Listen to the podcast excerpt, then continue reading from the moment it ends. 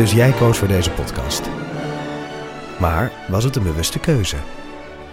Was het een moeilijke keuze? En wat zegt deze keuze eigenlijk over jou? Keuzes. Daar hebben we het over tijdens de Row Now Inner Choices. Een kort en krachtig concert met Maler en Frank. Een avond waarop experts je meenemen in drijfveren, twijfels en de gelijkenissen tussen keuzes in muziek en het echte leven. Kom 19 april naar het Residentieorkest in Den Haag. Een kaartje heb je al vanaf 20 euro. En terwijl ik val, zie ik die enorme kop van die beer boven me. In de wekelijkse podcast Echt Gebeurd worden al meer dan 10 jaar mooie, grappige, spannende en ontroerende verhalen verteld door de mensen die ze zelf hebben beleefd. Het regende bommen, dat wil zeggen, om de zoveel tijd ontplofte er een bus. Er zijn al meer dan 400 afleveringen van Echt Gebeurd verschenen. Dit is geen sjamaan, dit is een achterhoeker. Abonneer je nu op Echt Gebeurd in je favoriete podcast-app. Uh, ja, zo'n lach. Die kan Ja, laten we wel even hard lachen. Leuk zeg. Oh, oh, oh, oh. Jullie zijn echt verschrikkelijk. Oké, oké, oké. Zo gaan we het doen. Kun je mij wat lager maken, dan heb ik meer autoriteit. Kun je bij mij iets, iets, Moet je op- iets hoger pitchen? uithalen? Ja, maar jouw geluid komt ook een beetje op onze microfoons, dus dan krijg je een heel raar koortje ineens Ja. als je dat... Het kan niet. Dat kan niet. Op een Het podcast ben je wie je bent. Ja, er zit helemaal niks tussen. Zo is het. Zo, zullen we gewoon beginnen? Dat is goed.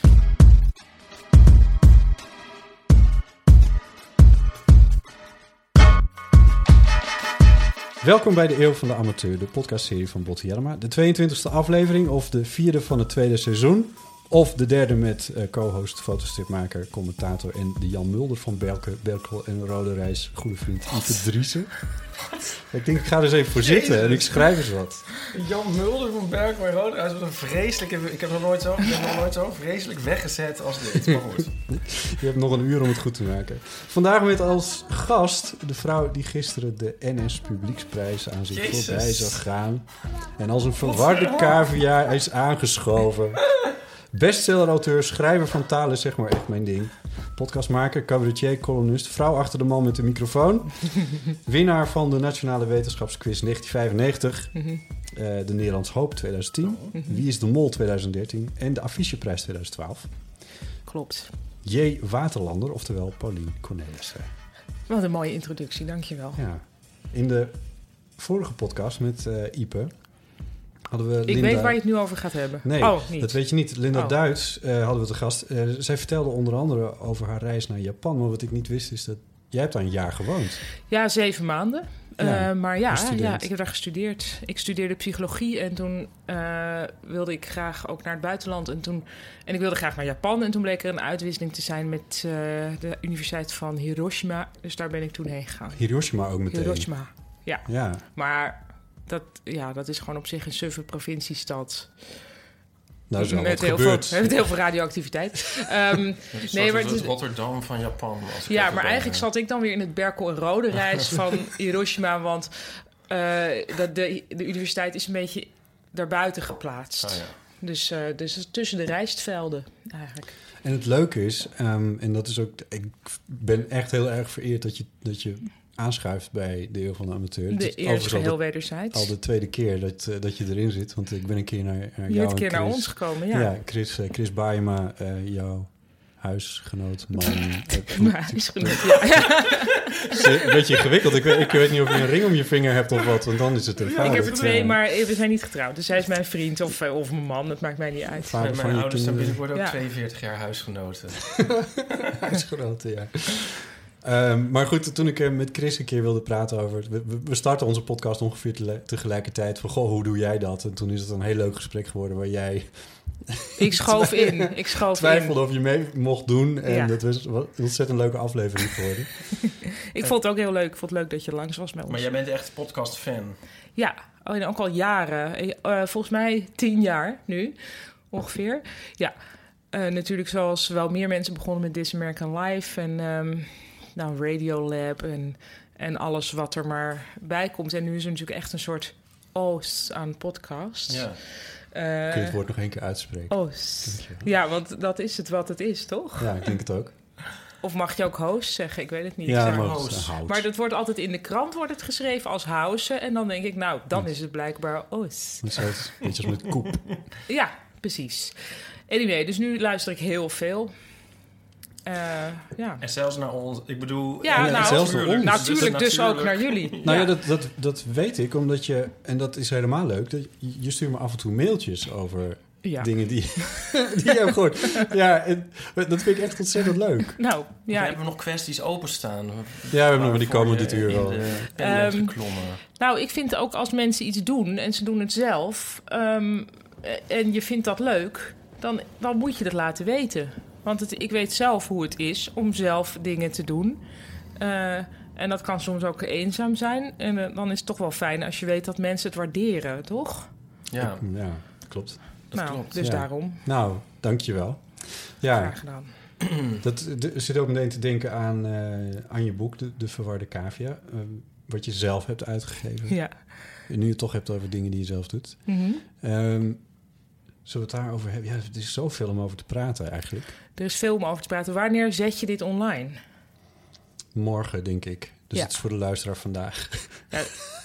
Ja, dus nu zet je het online. Ja, Ja. ik snap het. Ja, Laat maar. ja dus dan... Nee, ik vind het wel leuk. Dit soort... spoedig. Het is nu 24 november Nee, als ik bedoel meer, de reden dat ik het vraag is van... Oh, dan is het... Dat is dan een redelijk kort geleden dat mensen... eh, Misschien op tv hebben gezien dat ik dus de NS Publieksprijs niet heb gekregen. Dus heeft het zin om het daar überhaupt over te hebben. Was Terwijl het als je echt het op over. tv? Ja, ja, was op tv Oh. live. Iedereen was, het ook was met er. zo'n eh, beeldje met en de, zeg maar zo'n zo'n zo van die allemaal dat je iedereen zo oh, ik moet niet gebaren. Nee, dat was het helemaal niet. Oh. Het was niet dat iedereen in reaction shots Nee, werd, oh, eh, jammer. werd gevat. De We wereld draait door wel geoefend. Ja. Ik had wel geoefend. De wereld draait door hebben we het Ja, over. Ja. in, ehm, nee, dat was het niet. Oh. Eh, ik vond het toch ook wel spannend, maar ik had er ook op gerekend dat ik het niet zou winnen. Dus het was eigenlijk. Ja. En ik heb de, ik vind dat ik de campagnetijd heel voor zover mogelijk Nou, je- leuk heb gemaakt. Vond ik ook, want ik het toevallig kon ik daar getuige van zijn. Ja, ik heb op Facebook heel veel gefotoshopte dingetjes gezet die ik zelf leuk vond. Oh, oh nee, dat, dat heb Oh. ik dan weer niet gezien. Nee, maar Oh. in Rotterdam, eh, Oh, ja. toen was je echt met een eh, promotieteam op stap. Ja. Hoe heb, want jullie hebben elkaar vorige week toevallig ontmoet. Ja, op het Lezersfeest in Rotterdam. Dat is een, gigantisch feest van boekliefhebbers eigenlijk. Ik, Ja. ik, ik, ben vind het bijzonder hoeveel mensen daarop afkomen. En eh, heel... eh, ja, het wordt heel, een heel lief en eigenlijk adorerend publiek voor alle schrijvers. Ja. Ehm, ja, het enige ongemakkelijke daar is dan de green room voor de schrijvers. ja, dat zei je al. Dat vond ik eh, Dat niet, zo, niet zo gemakkelijk. Een soort, dat, ja, de soort tv-kantine, maar dan echt. En dan met vooral schrijvers. Oh ja. Ja, ik, ja vind je dat heel erg? Ik, ik vond het, eh, maar ik, ik, ik verkeer natuurlijk nooit in zulke kringen, dus ik vind het dan heel erg eh, grappig, soort aapjes kijken. Maar ik snap wel wat je bedoelt. maar Ja, het ik vond het. heel Ik vind, of zo. Nou, nee, nou, ik vind het vooral heel. eh, heel mm, ja, dus schrijvers die gezellig doen met elkaar, maar ook weer. Ze zijn niet zo heel erg meteen van joh. Van joh, kom erbij staan. Nee, het is dus. Het is. het, ja, hoe zeg ik dat nou? Ja, ik had toen ik daar wegging, dacht ik, wat een grappig verschil eigenlijk. Ehm, ik ben ook wel een paar keer op het boekenbal geweest, waar dat ook een beetje is van. Dus met elkaar praten over wie er ergens anders staat. Ja. Ehm, en ik ben ook op het Stuiterbal geweest. En het Stuiterbal is twee keer geweest. En dat is met alle cabaretiers van Nederland. En daar is dat helemaal niet. Dus daar staat iedereen... Daar, daar heb je niet zo van met dit groepje praten over het andere Maar vind je dat in, in binnen de green room, is dat, zijn het dan groepjes? Of Ja, dat de green idee room had is een ik soort wel. groepje buiten? Nee, Oh, binnen de green room. Van, Zo van, van, de schrijvers oh, worden afgeschermd wie- van het publiek. Met wie zit... Die, of Met wie of zit en kan, ik, kan ik nu daarbij gaan zitten of Oh, niet? Dat vond ik wel gaan. Het was de hele tijd bijna na. Ja, ik vond het wel gaan. Oké. nou ik dacht ja. meer dat je vond van het is een was- beetje gek dat ze bij de gewone man worden weggehouden. Die Oh, dat vind ik niet zo gek. Oh. Die- heeft, het, heeft dat ook nog te maken met eh, dat je... Want eh, je, je, je, je bestseller, Mhm. eh Talen zeg maar echt mijn ding... met nu voorop een sticker al 500.000 stuks verkocht. Volgens mij is dat, was dat al in 2013 dat je er zoveel verkocht. Ja, dat zijn er nu meer. Ja. Maar eh, dit heb je bij Atlas Contact uitgegeven. Je- De, Ja. de Verwarde Cavia, je nieuwe boek, eh, heb je eh, zelf uitgegeven. Dus je, je hoort niet meer bij een, bij een fonds of een stal... of hoe zeg je dat in Mm. uitgeverswereld? Fonds, geloof ik. Je hoort niet meer bij Atlas. Is dat, heeft dat er nog mee te maken? Dat je... Nee, eigenlijk niet. Want nou, hoogstens dat ik denk van wat vind. Nou, nee, niet echt. Want ik vond dat dus vroeger ook al met het boekenbal. eh, waar ik nu als zelfuitgever niet, niet meer welkom was. Ehm, Echt? Ja, Omdat je nu... Wacht Ja. even. CPNB is, de, de, de, de, dat is de, de, de organiserende partij van Ja. de boekenbal. Het is binnenkort, toch? nee, dat is eh, in maart. Oh, in of het zo. voorjaar, ja. Ja. Maar goed, ik vergeet het ook altijd. Maar ehm, het CPNB, dus de, de, de, de propaganda van het Nederlandse boek... Ja, die- ja, die ja. is, eh, zo heet ze, die nodigen je nou niet uit als je zelfstandig je boek uitgeeft? Nee, en nou, het heeft ermee te maken dat het boekenbal gefinancierd wordt door eh, de Vereniging van Uitgeverijen, de GAU. Eh, en als je daar niet bij hoort, dan mag je ook niet komen. Dus DAS mag, een eh, jonge uitgeverij, Ja. mocht ook niet komen. Maar ik denk dat het een beetje oprispingen waren, omdat er twee nieuwe initiatieven waren. Namelijk dat DAS mag en ik als wat dan bestseller-auteur heet, eh, die het zelf ging doen. Dat dat een beetje veel nieuwigheid en engigheid was. Nu met de. Zo, je bent er toch jaren geweest bij dat boekenbal? Met... Nou, ik ben heel vaak niet geweest en dat kon heel vaak niet. Ik ben ook niet zo'n feestjesmens, maar ik ben er wel twee keer geweest. En eh, Maar toch hier gekomen. toch hier op deze party. Ehm, ja, juist dat grote massale, dat ligt mij niet zo. Maar ehm, dus, maar nu, oké, dus nu bij de NS Publieksprijs, dat wordt natuurlijk ook georganiseerd vanuit het CPNB. En daar ben ik wel, heb ik wel voor genomineerd mogende wordende. Maar die, nominaties, dag- waar, zijn- waar zijn die ook door? Is dat door een jury genomineerd? Of is Hoe het nou publiek? precies zit, het, is, het gaat zo. Nee, het is een beetje raar. Je hebt de 20 best, best verkochte boeken. Ah. En daar worden zes nominaties Ah. komen daaruit. En dat wordt dus wel door een soort jury of zoiets bepaald. Ja. Ehm, maar En dat zijn dan ook weer de 20 best verkochte boeken die dat je dus niet het kleurboek voor volwassenen Nee. ook erbij kan krijgen. Ehm, het feit dat ik daar dus aan mee mocht doen, ik heb natuurlijk ook full speed aan meegedaan. Dus Ja. ik ben nu weer helemaal. De, de, de, de baas van het CPB zei gisteravond nog tegen me: Nou, de C van CPB, dat staat bij ons voortaan voor cavia hoor. Dus ehm, ik, ik denk dat ik wel op het boekenbal mag komen. Dat is nu Ja. mijn voorspelling. Ja, dan ga je ook. Nou, weet ik niet. Hm. Ben jij ook van plan om eh, andere, boeken, andere boeken uit te gaan geven? Andermans boeken of Ja, andere boeken? Andermans. Andermans boeken niet. Want ik, eh, ik denk dat dit, heb, dit is echt heel goed gegaan. Maar dat is om, ook wel omdat alles bij mij past. Dus Mhm. ik heb het geschreven, ik heb de voorkant gemaakt en bedacht hoe het naar buiten moet komen en zo. En ik, en ik denk dat wat een, een echt goede uitgever, het talent daarvan is natuurlijk dat je dat voor anderen kunt bedenken. Mhm. Dus bijvoorbeeld Oscar van Gelderen van ehm eh, Lebowski. Die hebben nu bijvoorbeeld dat boek Judas Ja. eh, uitgegeven. En dan denk ik, ja, dat is een soort... Hoe hij dat doet met verschillende boeken, dat is echt heel erg eh, knap. Dus Ja. die is echt naar de boekhandels gegaan en gezegd... er komt nu een boek, ik kan niet zeggen van wie... ik kan niet zeggen waar het over gaat, koop het in. En dat hebben ze gedaan. Ja. Maar misschien zouden, iets, zouden de boeken zijn die meer dichter bij jou liggen. Misschien niet gelijk Judas, maar iets anders. Maar het hoeft ook helemaal niet voor mij. Stel dat Micha, Ja. Micha Wertheim met een boek Mhm. uit zou komen. En die zegt van, Paulien, wil jij het uitgeven? Nou, ik denk dat ik dus... Nee, ik denk dat ik echt moet proberen de energie vooral op mijn eigen werk te, te richten. Ja, maar je doet zoveel. Want je doet, je, bedoel, dat, dat schrijven dat is dan één ding. Maar Ja. het voorjaar kom je geloof ik ook weer met een nieuwe Dat is de voorstelling. bedoeling, ja. Eh, je maakt podcasts. Ja. Ja, dus ik kan niet ook nog andermans boeken gaan uitgeven. Ja, ook al is het van Miga. Ja. Hé, maar ehm, nog even over de prijs dan. Want in Rotterdam zei je van... ehm, je wilde hem toch wel graag winnen. Ja. Want het was de enige literaire prijs waar, waar je voor dacht in aanmerking te komen in eh, Nederland. Ja. Eh, omdat het boek grappig is en dan wordt het niet meer serieus genomen. Ja. Ehm, nu moet ik natuurlijk een vervolgvraag hebben. Ja. ik, vind, ik vond het heel professioneel hoe je dit even overpakte. maar ik vind het jammer dat je dan uiteindelijk niet Toch meer wel, vraag ja, stelt. dat komt omdat ik ook ik dacht weet wel van, waar je eh, naartoe wil, dus ik kan je helpen. Oh, maar ik weet waar je naartoe wil. Nee, Ja. Oh, leuk. Ik heb daar een Mindmeld, citaat, nou, als je, alles pra- praat even voor. Ik had een citaatje erover. Ik vond het wel interessant. Uit de Ehm, cd. Je hebt hier een Ik heb cd-hoesje. hier een cd-hoesje. Wat is nou een heel grappige band? Hoe heet die band? The Sparks. Uit. Eh, uit Amerika. Waarvan ik toevallig weet dat jouw vriendje daar een enorme fan van is. Ja. Ehm, maar nou, zij maken dus een soort grappige muziek. En eh, zij balen ervan dat ze nooit echt serieus wordt genomen. En in dit voorwoord... Waarom heb ik het eigenlijk mee... had- Ik had het even moeten Ja. Highlighten. Ja. Maar Kun je, toen- kun je het anders Ik zal het gewoon parafraseren? parafraseren. Ja. Eh, het gaat erover dat... ehm, eh, door veel mensen grappige muziek wordt beschouwd als, iets waar, als muziek waar iets aan ontbreekt, namelijk de seriositeit.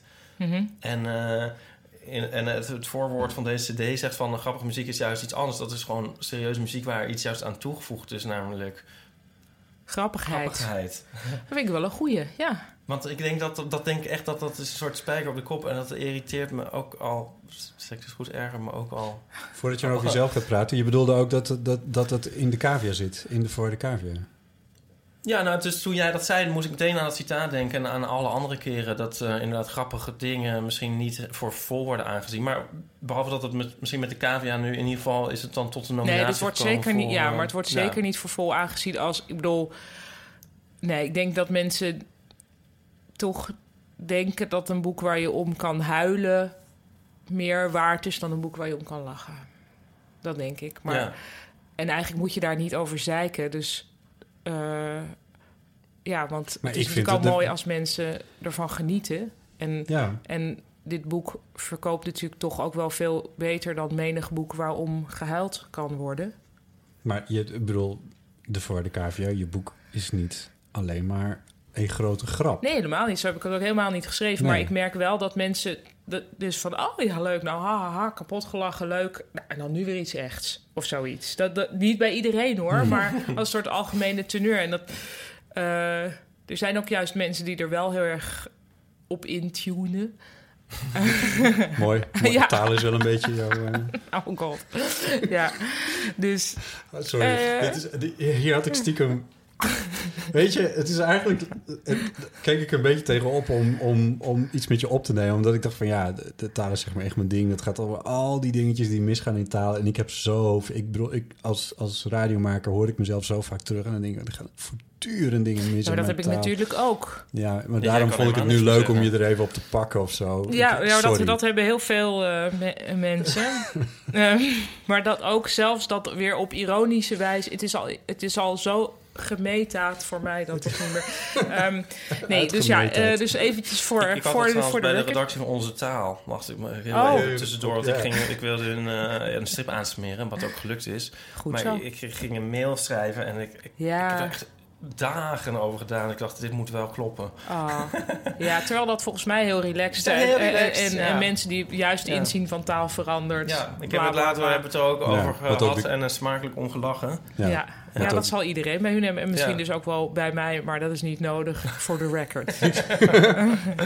Ja, maar goed, het, Ja. als je talen zeg maar echt mijn dingen leest, dan weet je ook dat het jou daar ook deels om gaat, over die verandering van Ja, maar dat is, het boek is op tweeërlei wijze te lezen. Want er zijn Ja. mensen die zich gesterkt voelen in hun taalpurisme door dat boek... en mensen die zich gesterkt Oh ja. voelen in hun taal onpurisme. Dat is wel heel Maar het zit ook in de cavia, hè? Ik zeg steeds de cavia. De Ja. Als, als cavia. iedereen altijd correct zou praten tegen jou... dan zou je ook nooit meer iets kunnen schrijven. Dan zou je nooit meer iets horen Dat natuurlijk. ook nog eens. Nou ja, behalve dat ik zelf eh, niet correct praat. Dus, dus Maar- bovendien gaat het ook niet om correct, maar meer... Nou ja, of nee, het maar- gaat mij om wat er, Ja. wat ergens achter zit. Ja, want, want dat zit in de, in de verwarde cavia ook.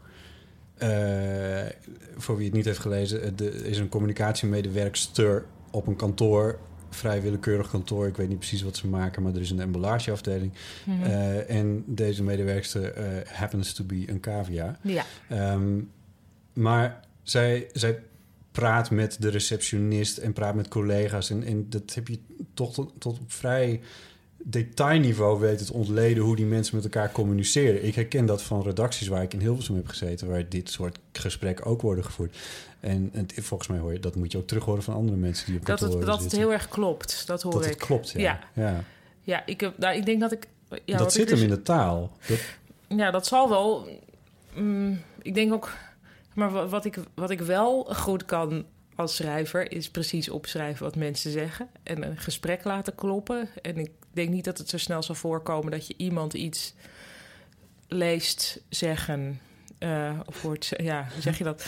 Leest zeggen eh, wat, wat diegene niet zou zeggen. En dat, dat zijn ook de momenten dat ik altijd afhaak in een boek. Dat ik denk, oh ja, dat zou diegene niet zeggen. Laat verder maar.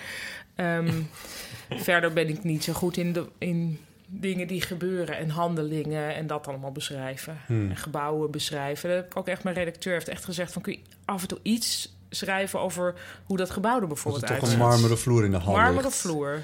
Bomen buiten, weet je. En Ja, ik heb dan wel een soort beeld van waar ze zitten, maar ik moest dat moet ik echt, ik denk blijkbaar erg in gesprekken. Maar dat vond ik dan eigenlijk wel weer leuk. Omdat, juist omdat ik steeds dacht aan die tijd dat ik op een redactie zat in Hilversum. Ja, oh, dan had jij jouw redactie. was Dan was het voor jou juist. Nee, er was helemaal geen marmeren, Nee, er was- marmeren hal. Nou ja, maar wel zoiets. Maar goed, dat ging er dan wel voor door, die, die goedkope tegelstijl in het Ja, ik had ook wel een beetje af en toe dat ik dacht, oh ja.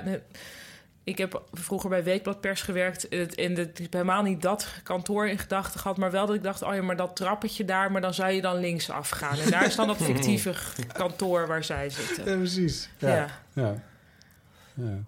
Ehm, misschien, misschien toch nog even over wat, eh wat, eh wat Iep zei. Want je had er wel... Je had er nog, we hebben het erover gehad van tevoren. Over dat... Oh, jullie hadden al een pre-meeting nou, hier. Jij hebt nee, gewoon, we waren heel Nee, enthousiast. Jij hebt hier allemaal nee, soufflés gegeten, gegeten. nee. Oh. Vlees gegeten. Nee, soufflés. Ik weet niet, ik zag Hij zo... eet geen vlees. Nee, daarom soufflés. Oh ja. Waarom heet dat dan soufflés? Ehm, Was het maar zo... nee, je maar we, we, waren, we waren heel enthousiast. Dat, nemen. Ja, maar dat, dat gaat... Dat, ik, Just ik- saying. ja, maar dat dit mag niet van Chris. ik wil... Wat? Ja, nee, anders word ik te dik. Nee, eh, nee eh, praten en eh, eten. Ja, dat, Te- dat is... tegelijk. Ik heb als een pepernoten. zin begint, dan kun je er wel in nemen. Ja, Oh, Er zit een leuk verhaal aan die bonbons. Mijn supermarkt aan de Jode Breestraat, die ging dicht. En die was nu weer open. En ze gaven iedereen zo'n doosje Die zijn, bonbons. die zijn één seconde dicht geweest, voor mijn gevoel. Nou, het was geloof ik tien dagen, maar eh, Ja, niet zo ik lang. fietste daar lang. Zegt, hè, de hele Albert Heijn is weg. Ja, Twee dagen later, was- hij is weer helemaal terug. ja. Ja, en ik, Waarom kan de Albert Heijn het wel, maar niet, de, eh, weet ik veel, het spoor of zo? ja, of de of maatschappij. De maatschappij. Hotel Arena, wat dacht je daarvan? Dat, Ja. is, dat is al tien jaar De een bouw. Noord-Zuidlijn. Ja, ja, nee, goed. Dat is iets groter dan een Albert Heijn. maar- Maar ik, ik- we gaan over boek, maar voor die koffie was niet te drinken. Is er, eh, mag ik, eh, is er Sorry? drank? Ik bedoel, Ik heb zoveel werk van die koffie. Ik ga beter een koffie maken voor je. Een volgende keer. Ja. Niet, niet meer nu. Ik ga dat ding eruit zetten. willen iemand anders iets? Er ligt van alles in de koek. Doe jij er een muziekje Ga je onder? gang? Ja, zoiets. Wil jij iets voor doen? Ik neem nog een klein beetje warm water bij mijn thee, als dat eh, kan. Wel belangrijk dat we nu niks belangrijks zeggen. Dan Ja, en hij staat nog aan, toch? Oh. Ja, hey, eh, Botte, ik had nog een wedstrijd uitgeschreven met van eh vertaal de, de verwarde cavia in verschillende talen. Toen Ja. hebben 300 mensen eh, ingestuurd. Ik zag zoiets. En er was ook een Friese vertaling, dus van de titel. Ja. En er was iets van, het barkmarmotje in verblustering. Het dagmarmatje in verbjustering. Nou, Maar dat zal dan niet cavia zijn geweest, toch? Dat is dan toch bergmarmot? Ja, ik denk dat dat Bergman Dus wat is cavia in het Fries Volgens mij gewoon cavia, maar dat is dan dus saai. En in verbustering, is dat in verbijstering? Ja, verbjustering, ja. Ik vond het wel mooi, maar ik heb uiteindelijk een andere eh, inzender laten winnen. Je had, eh, we hadden natuurlijk, eh, we hadden natuurlijk eh, Hans Wiegel heel lang als eh, Ja. commissaris van de Koningin in mijn, We ook, we ja. in, Ja. in, in mijn eh, jeugd. Ik ben nog steeds een in de beetje Fries. En eh, die had het eh, bij, bij de Elfstedentocht van, van ergens in de jaren tachtig. 86. Dit- Alle clichés komen naar voren, maar over een bjusterbaarlijk barren. En dat is een... een, een maar bjusterbaarlijk is, is iets mooier dan verbijsterend. Verbijsterend is dan, is, heeft iets negatiefs inmiddels, want iedereen is verbijsterd, zeker in Den Haag Ja. tegenwoordig. Maar bjusterbaarlijk is, ja, hoe zou je het vertalen? Het is een soort van opmerkelijk positief iets. Van, En barren is gebeurtenis, dus bjusterbaarlijk Oh, barren. Oh, Ik dacht een beer. ik dacht een Nee. kind. Ja, nee. Oh, ja. ja. baren. Ja, nee, nee. Nee, eh, in het Noors of zo. Bean. Ja. Is eh, kind in, Oh, in het. Ja. Maar de Elfstedentocht was dan een bjusterbaarlijk barren. Dus een bjusterbaarlijk... bjusterbaar, was het een bjusterbaarlijk maar Wonderbaarlijk misschien. nee, het was, eh, het was vertaald als het bergmarmotje of zoiets. Bergmanmatje, ja. In verbustering. Die verbjustering. Oh ja, verbjustering. Ja, is dan weer wat Ik anders. vond het wel ja. echt mooi, Verbijstering. verbustering. Verbjustering. Toch? Ja. Ik, ik eh, Ja. geniet. maar, oh ja. Ik zal ik iets serieus over het boek zeggen. Ik moest denken aan eh, Kafka. Oh, echt? Ja. Ja, Oh, leuk. aan de gedaanteverwisseling. Oh, ja. Hoe heet het zo? Ver- verandering. Gedaanteverandering of verwisseling? Ja, dat weet ik ook niet. Nou, hoor. Die verwandeling. ja. Ze, ze verandert niet echt van gedaante. Nee, maar het Zij is wel is zo al- dat er eigenlijk, nou ja, één, maar dan later dan nog één. Maar in principe maar één dier is. En iedereen vindt het ook heel normaal. En dat eh, is eigenlijk in die eh, verwandeling, zeg ik dan maar. Ook, ook, dan heb je dus één Thor. En iedereen doet ook verder maar Ja. alsof het normaal is. Ik moet zeggen, ja, ik weet natuurlijk de premisse van het boek, maar ik heb het nooit gelezen. Ehm, dus ik denk, ik vind gewoon, ja, sowieso al een compliment dat je het eh, met Kafka vergelijkt. ik dacht meer vanwege, oh, eh, bureaucratie en er niet uit Nou, kunnen. ook, dat is het tweede. Ja. Dat vond ik grappig. En het is ook, ook steeds ook heel passief eigenlijk. Dat is Ja. ook eh, eigenlijk in Kafka ook altijd. Alles eh, overkomt een beetje de hoofdpersoon. ja. En ehm, Nou, ik heb wel eens gedacht van, stel nou dat er, eh, dat je eigenlijk een andere diersoort bent, maar je ziet er volstrekt hetzelfde uit als mensen en niemand heeft het ook door. En dat je het zelf ook niet weet. Dat je eigenlijk een, andere, een nog niet ontdekte andere diersoort bent. Omdat ik altijd zo gek vind dat mensen zoveel op elkaar lijken. Ik bedoel, honden heb je in heel Ja. veel soorten ma- maten eigenlijk. En mensen is veel minder bandbreedte. Toen dacht ik, ja, als je nou... Stel, je, je bent gewoon fundamenteel anders en je weet het niet. En als je daar dan achter komt, hoe is dat dan? Ehm, dus dat, dat gevoel zit er wel een beetje achter. Dat, Ja, ik, eh, dat ik haar zo ja. anders heb gemaakt. ja, Ik dacht eh, dat je misschien ook in je hoofd had gehad. eh, maar dus ik zoek, je zoekt natuurlijk dingen altijd dicht bij jezelf. Dat negeren recensenten volgens mij altijd, maar dat is wel zo. Ik dacht, je hebt het bijvoorbeeld gekozen. KV, iemand is een KV, iemand is, is bijvoorbeeld is homo. En is in dat opzicht anders. Ja, Eh, want ook met homo's wordt in principe niet anders omgegaan. Als je het niet Ja. van iemand weet, dan ja, hoe zou je, waarom zou je dan anders daarmee omgaan? Terwijl je wel, er zijn een paar dingen waardoor je fundamenteel anders naar de wereld kijkt en fundamenteel anders in het leven staat. En dat is met, die, met de cavia in feite ook zo. Ja, ik weet ook dat mensen inderdaad het zagen als, een, eh, als de, in de enige allochtone medewerker. Of. Ja, ja eh, bijvoorbeeld, maar dus ja. dat, dat komt daar een beetje mee overeen. Ehm Ook omdat ze op een gegeven moment, verklap ik dan dingen? Nee, ik denk het niet. Eh, komt ze een andere cavia tegen, Hmm. een mannelijke cavia. ja. En, eh, en dat is dan, dat vertelt ze dan aan haar collega van, ja, hij is een cavia. En, Ja. en die andere die is ook meteen van, oh, wat, oh. Ja. dat is namelijk wat met homo's ook altijd gebeurt. Van, Ja, ja, ja. het- ja, we zijn iemand tegengekomen en hij is ook homo. Oh, is hij ook homo? Nou Ja. dan, eh, Ja, dat, nou, dat, ik denk wel dat ehm, eh, dat gevoel van... Dus dat er op een gegeven moment eh, komt... Dit is allemaal, dat hele verhaal is niet vooruitgepland door mij. Hè. Ik heb het er nu steeds een, een stukje per week geschreven. En op Ja. een gegeven moment gebeurde dit. als J. Waterland. Als jij Waterlander. Eh, dit gebeurde dat die andere cavia erbij kwam. En, en dat was wel voor mij dat, dat ik dacht... nou, ik heb, ik heb in de liefde heb ik heel lang gedacht... van ja, je bent natuurlijk fundamenteel alleen.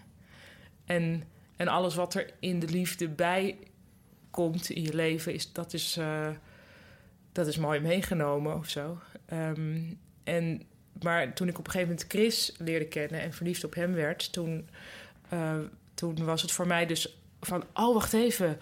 Dus ik ben niet fundamenteel alleen. En dat de gevoel van er is een andere, er is een, er is een ander iemand van mijn diersoort. Zo voelde het. Zonder dit nou tot sleutelroman te, te gaan betitelen. Maar Chris is jouw Ja, maar en nou is mijn. Ja, Ja, en zo. Ik zou dan cavia zijn. Nee, want ik ben toch wel heel anders dan, dan cavia. En Chris is ook anders dan Enzo. Hoewel Enzo wel heeft een soort. eh, En zo is de mannelijke dat is de, de mannelijke cavia. Die heeft wel een soort, eh, hoe noem je dat? Eh, enthousiasme over projecten die ik zo kan hebben. dat wel. Ja, Maar ja. een soort een beetje die, die eenzaamheid en dreiging, die vind ik wel leuk. Dat zit er, dat zit er toch wel onderhuids wel in. Dat Ja. vind ik wel leuk. Ja, ik had het toen, ik, toen, eh, toen was het boek al af hoor, maar toen zag ik die film Anomalisa. Ik weet niet of jullie die ook hebben Nee. gezien, van, van Charlie Kaufman. Met allemaal, zeg maar goed, eh, van, eh, die ook eh, Being John Malkovich Oh, heeft ja. gemaakt. En dit is een poppenfilm. Oh ja. En dat had een soort duisternis en een... eh, en iedereen in die, in die film, die moeten jullie echt kijken. Die heeft dezelfde stem. En dat blijkt een stoornis of, of een, een depressie te zijn van de hoofdpersoon... die dus iedereen zijn stem op dezelfde stem hoort, namelijk zijn eigen stem. En dat is heel benauwend en mooi. En toen dacht ik, oh, weet je, zo zou je dit boek moeten verfilmen. Dus vrij duister. In plaats van... Duister. In plaats van ja. De lichtheid van het kantoor. ja, Ja, ik, ik, ik zag er wel een soort een, een tv-serie meer in, een heel langlopende. ja, ja. Maar, de, maar goed, maar, eh, Ja. maar, mag je, mogen, maar, eh, hoe, maar je vindt de receptie dus eigenlijk niet zo... eh, Je bedoelt hoe het ontvangen wordt? ja, want mogen, mogen, men, mogen bijvoorbeeld scholieren het lezen op Ja, hun ja, lijst? ja. Oh ja, de, vaak wel. Niet op alle scholen hoor, maar sommige scholen wel. Ehm, dus ja, ik, ik vind het ook leuk dat mensen... Er zijn dus ook inderdaad ook veel pubers die het heel leuk vinden, het boek. Ik heb van een jongen gehoord die graag op een kantoor wil werken... naar aanleiding van dit boek. ja, Oh my ja, God. ja, dat is bijzonder. Dat, die Ehm, zag je niet aankomen. nee. Nee. Nee, dus dat vind ik, eh, dat vind ik eh, heel leuk. Dus eigenlijk wat lezers ervan vinden, vind ik altijd, vind ik altijd wel erg leuk. Ja, En, eh, en, en zo'n prijs niet winnen, dacht ik vandaag ook van waarom ben ik nou zo opgelucht eigenlijk? En toen dacht ik, oh ja, ja, want als ik hem gewonnen had, dan zou ik dan weer zo moeten gaan dealen met mensen die dan zeggen, ja, maar Oh, dit is ja. toch geen literatuur? en dan had ik daar weer me toe moeten verhouden. Dat hoeft nu niet. Nou ja, nu is hij gewonnen door iemand van wie we officieel niet eens weten wie het is. Officieel wel. Het heeft al in de krant gestaan. Ja, maar hij zat gisteren niet in eh, de Nee, Wereld hij Draait wil, geen, nou, hij wil dat niet, maar we weten wel wie het is. Ja, ik ben de naam vergeten. Ja, hij wil het ook niet, eh, Piet, Piet nog wat? min of Piet Mol meer. of zo? Nee, anders. Hey, en een andere... Kom je met een mol? Oh, ik weet wel met een mol in de hoofd. Ja. Oké. Ja. Ja, hoe zeg je dat? Een ander boek waar, waar het... eh, waar ik, of nee, laat ik het anders zeggen. Hierna ben ik begonnen in het bureau, want daar kreeg ik Oh, leuk. Ja. ja. Ja, dat heb ik ook gelezen. Ja. Vind ik een heel goed Ja. boek. Ja. ja. Ja, het is grappig. Het is alleen eh, iets langer, maar het is... eh maar het leest als een trein, het toch? leest als het trein, ja. Over Ja. treinen gesproken. NS Publieksprijs. Ja. Zullen wij eh, eerst eventjes, eh, voordat we Ja, verder gaan genoeg praten hierover... Ja. Eh, nee, zeker. Oh, nou, er vallen oh. veel meer. Nou, dat weet ik eigenlijk niet. Ja, Ja, ik twijfel. Omdat, omdat We moeten ook de rubriek het nieuws van drie Ja, maanden drie maanden geleden. daar, wil ik, daar wil ik nu even naartoe. Maar, Ja. maar toen ik je uitnodigde... Zou er nu toen, voor aanslag zijn? toen zei... ik heb hier wat voor je in petto, hoor. Eh, toen, toen zei jij van, van... Ja, maar we gaan toch niet de hele tijd over het boek praten? Nee, ik vond het leuk om gewoon mee te doen met, met wat jullie... Gewoon, Ah, ja, oké, gewoon nou, op snuffelstage. We gaan hem gewoon doen. Dus, Maar ik, ik, ga, ik, ik ga gewoon mee met wat jullie doen. Of wat jullie willen. goed. Dan zijn we aanbeland bij de... Dit moet trouwens weg, want ik ga naar frummelen. Ja, ik vind het zelf... Grappig, dat wilde ik ook al. Ik wilde met deze. En dan Ja. Jullie mogen frummelen met- Nee, want dat hoor je dus. Ja. Doen ze Als luisteraars eh, weten waar Paulien mee heeft zitten frummelen afgelopen half uur... Dan winnen ze Kun een je een mailtje- gesigneerd exemplaar van de verwarde van cavia. de cavia, stuur een mailtje naar botten.bottenjellema.nl en wordt verloot onder de... Ik vind dat we wel een officieel adres... Er moet zoiets zijn van... eh, prijsvraag at deeeuwvandeamateur.nl Ja, dan moet hij weer een Eh, hele moet dat allemaal domeinnaam weer inregelen geven. en Oké, zo. Als laat maar. iemand dat voor me wil doen, vind ik het best. Stuur gewoon naar botten.bottenjellema.nl en dan eh, gaat eh, Ipe dat eh, officieel als notaris trekken of zo. Goed, de krant van drie maanden geleden of het nieuws van drie maanden geleden. Ik ben nog niet helemaal over uit wat de titel moet worden. Wat vinden jullie? De krant van drie Maar Hadden we, hadden we, sinds wanneer weten we niet wat de titel daarvan Omdat is? vorige keer was er ook verwarring over. Dus de. DKVDMG Um, of HNVDMG? Nee, de krant volgens mij van drie maanden krant van geleden. Ik vind het mooi, want dat is tastbaar. De Ja. krant, Ja. klopt. Eens. Oké, goed. En er was nog discussie over... moeten we dan die hele maand beslaan? Van drie maanden geleden, Ja. dus dat is dan augustus. of moeten we de specifieke Dag. dag, Die van... dag natuurlijk. En omdat ik de beroerdste niet ben... heb ik even voor het Ah. laatste gekozen. Wauw, jij bent echt, jij laat Nou. echt geen dingetje. Jij laat geen losse eindjes hangen. Ik laat geen losse eentjes hangen. Daar heb ik helemaal geen zin in. Ik had vroeger als kind, heel even tussendoor, had ik dus een obsessie met dat ik mijn zinnen altijd wilde afmaken. Maar dat kan in een gesprek niet. Want dan gaat nooit. iemand anders. En dan ging ik dan, dan moest ik dan toch zeg maar zachtjes op. Maar dan dus als het, of als het, of als het niet kon, want soms kan de sociale situatie staat echt niet toe, dan in mijn hoofd drie keer. Dus dan was Oh. het eh Dat was eh, een beetje een soort van met één been op de stoep en één been in, been in de goot. dat. Beetje Ah, dat. Oké, oh, wat. Maar dus dan drie keer in mijn hoofd was dus bepaald door mijzelf, stond gelijk aan één keer hardop. Uitspraken. Ah, Net in de sportschool. Ja? Toen zei, toen zei iemand in de kleedkamer... die liep een soort op me af en een soort vlak langs me... en die had iets in zijn hand, maar ik zag niet wat. En zei tegen zichzelf, maar niet tegen mij. dus het is niet zo'n prettig gezicht.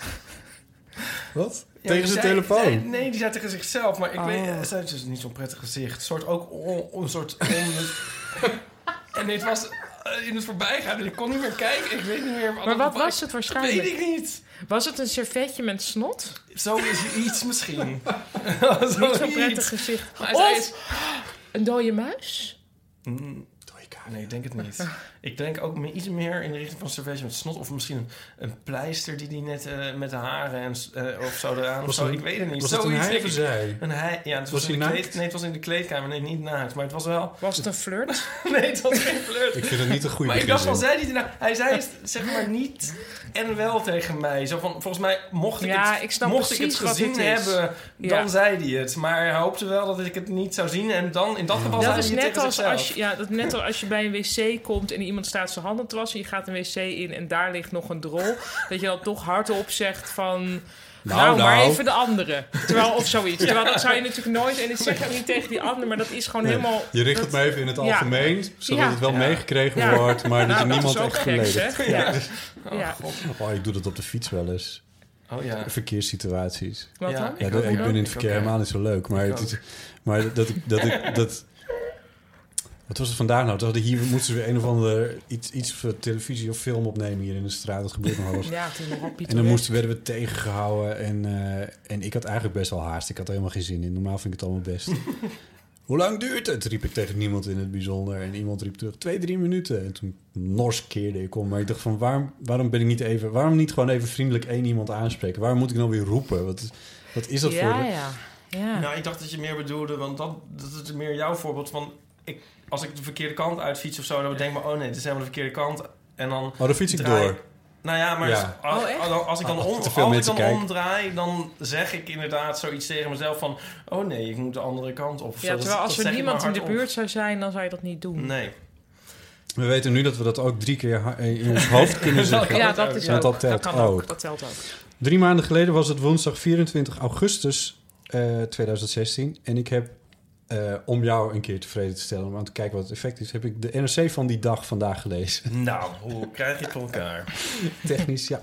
Eigenlijk best ook dat wel makkelijker voor jou. Nou ja, dat viel me eigenlijk... Ik viel het me wel mee. Het is eigenlijk makkelijker dan een maand Voor mijn plezier doen maakt het iets zichzelf eigenlijk weer makkelijk. Ja, dat is waar. Ehm, de, de krant opende met... ehm, nou, nee, ja, eigenlijk een paar dagen daarvoor... Oh. Sorry hoor. Nee, want toen was Toet, Toets Tielemans overleden. Dat was een paar dagen daarvoor. Dat was de 22e volgens mij. Geen muziek te ondermonteren nu hoor.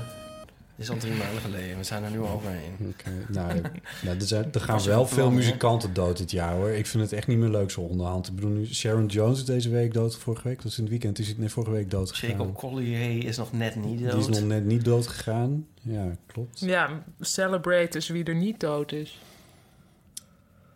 Je Franklin. daar precies mee? nou Stond ja, in de kijk, krant. we wel, ja, dus er zijn ook alle men- Nee, dat mensen niet dood. Nee, er zijn heel veel mensen niet dood. Zoals bijvoorbeeld Aretha Franklin werd die dag...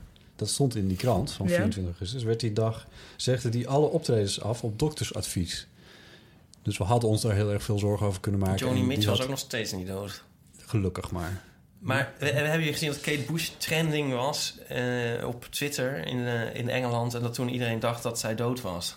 Oh, dat heeft Felix Meurders ook een keer meegemaakt. maar zij was trending omdat ze een... Dat is echt waar. Oh, ik Ja, wil altijd nog zo graag van- dat er iets wordt gedaan... dat hij een programma begint. Of moet ik dat niet zeggen? Nou ja, goed. Ach, fuck it. Hij mag, ja, nou, in de zomer. En dat het dan Midsummer Murders heet. dat wil ik graag. Maar hij heeft dus een keer gehad dat mensen dachten... Oké, maar Goed, toen was het het, is gewoon nu gezegd. aangekondigd, toch? Het is nu gezegd. Er zijn wel eens van die valse dood...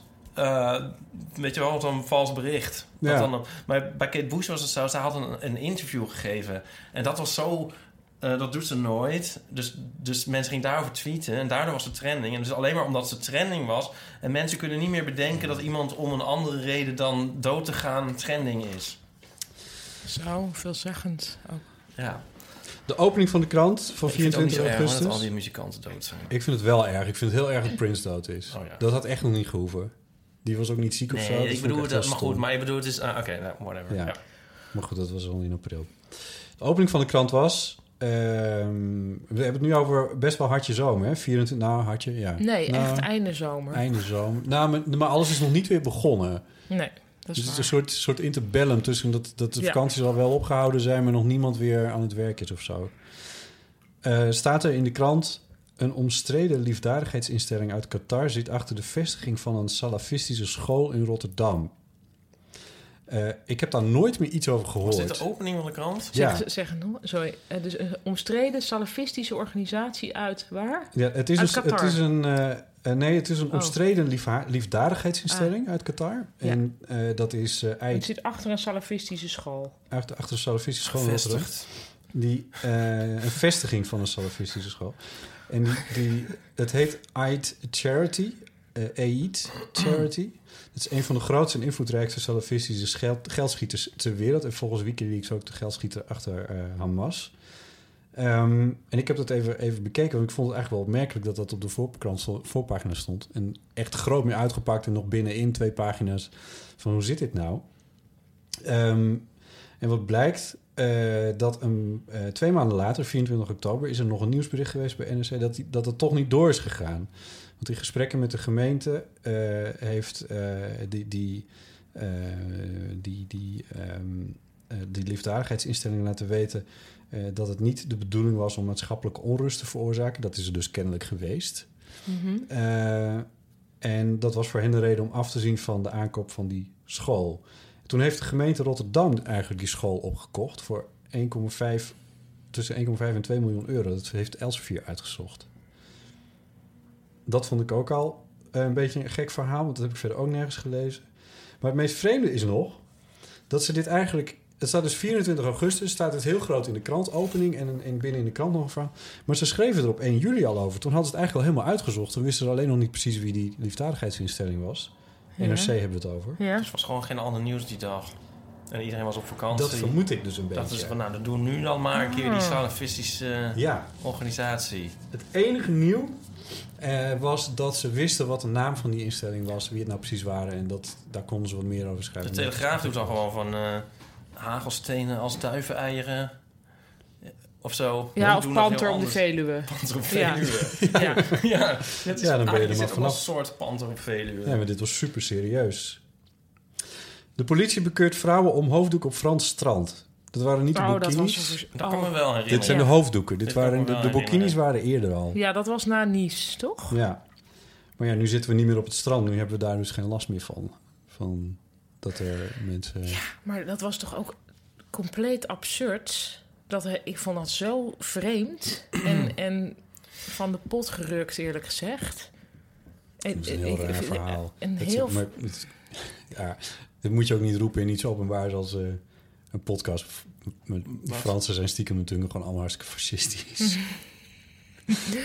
Oei, Ja. nou, nu krijg je de Franse ambassade achter je Ja, aan, hoor. is- Nu ja. hebben we, nu, nu hebben we de kunnen we- pop aan de dans. sluiten Die de grenzen van het instituut Nederlandaise kunnen we nu wel vergeten. Ja, ik, maar vond- ik had een, eh, een aantal maanden geleden, of misschien een jaar geleden, las ik een heel goed artikel in de New Yorker van. eh, de, ik weet niet hoe ik haar naam moet uitspreken, maar ik denk Elif Batuman. Dus het is zeg maar Batman met een U ertussen. Eh, zij is ehm, eh, Turks-Amerikaans. En zij had een heel goed stuk over hoe ze in Turkije. zij is niet moslim en ze draagt geen hoofddoek. En dat ze in Turkije eigenlijk de hele tijd zich heel onprettig voelde en heel. eh, ze zat daar een tijdje om een boek te schrijven en eh, ze voelde zich heel ja, vervelend benaderd. En toen op een gegeven moment dacht ze, nou, ik doe toch maar even een hoofddoek om, want ze was in een heel religieuze omgeving. En ineens gingen alle deuren voor de open en was, het heel, was er heel veel warmte. En dat ze zich toen eigenlijk pas realiseerde van, oh ja, het is dus...